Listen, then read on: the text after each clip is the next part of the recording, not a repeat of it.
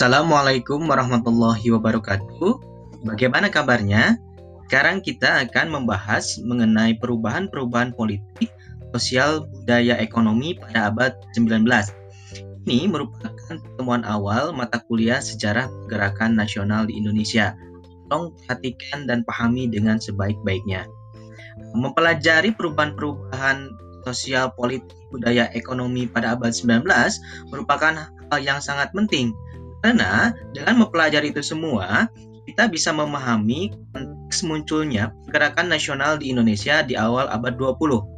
Sebagaimana yang kita ketahui, abad 19 adalah puncak kolonialisme dan imperialisme yang dilakukan Belanda di Indonesia.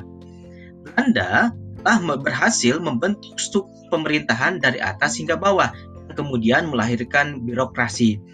Hal tersebut dirintis oleh Danless yang menerapkan pemerintahan modern dan aturan yang sangat ketat. Dalam struktur kolonial, pribumi hanya dapat menduduki posisi bupati, wedana, dan lurah. Sementara struktur yang tinggi dipegang oleh orang-orang Belanda sendiri.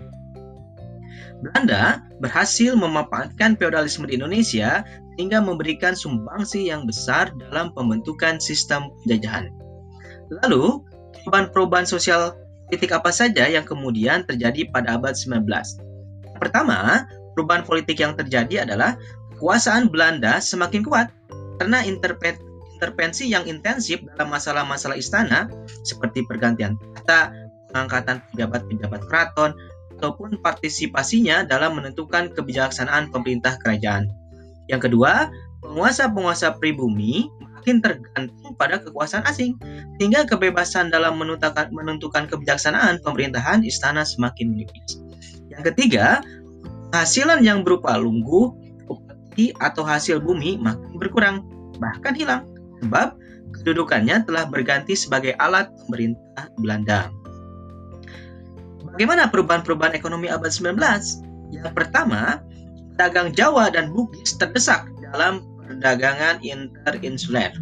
Yang kedua, Indonesia kemudian e, menjadi mengenal berbagai pajak apa selain upeti seperti pajak hasil bumi, penyerahan wajib, uang kepala dan ranren atau sistem sewa tanah. Dan pelaksanaan tanam paksa juga membawa banyak perubahan di bidang ekonomi. Yang ketiga, mulai tumbuh suatu golongan baru yaitu golongan buruh yang hidupnya tergantung dari upah yang mereka terima. Yang keempat, jumlah dan jenis pekerjaan bertambah banyak, terutama di kota-kota. Orang tidak dapat bekerja sebagai petani atau karyawan perkebunan saja, tapi juga pekerjaan lain seperti karyawan, perusahaan industri, kantor-kantor dagang, dan pengangkutan kereta api serta bis. Lalu, bagaimana perubahan-perubahan sosial budaya abad 19? Yang pertama, Golongan pribumi merupakan penduduk kelas ketiga yang tidak mempunyai martabat. Selain dibatasi hak-haknya, mereka mendapatkan pengawasan yang ketat dari pemerintahan penjajah. Yang kedua, kedudukan beberapa pemimpin formal tradisional sudah mulai goyah, bahkan dianggap sudah tidak dapat diandalkan lagi.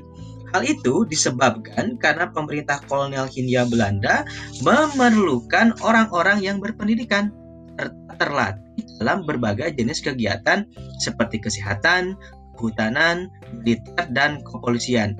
Juga munculnya spesialisasi pekerjaan-pekerjaan dengan gaji yang lebih rendah apabila dikerjakan oleh orang-orang Belanda.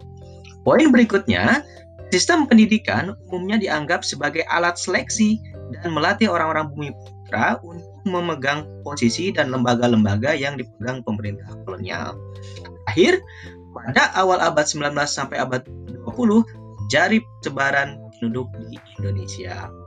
Demikianlah pembahasan kita mengenai perubahan pada abad 19 yang menjadi latar belakang munculnya pergerakan nasional di Indonesia awal abad 20. Tolong baca berbagai referensi lain untuk memperkaya pengetahuan mengenai suasana abad 19.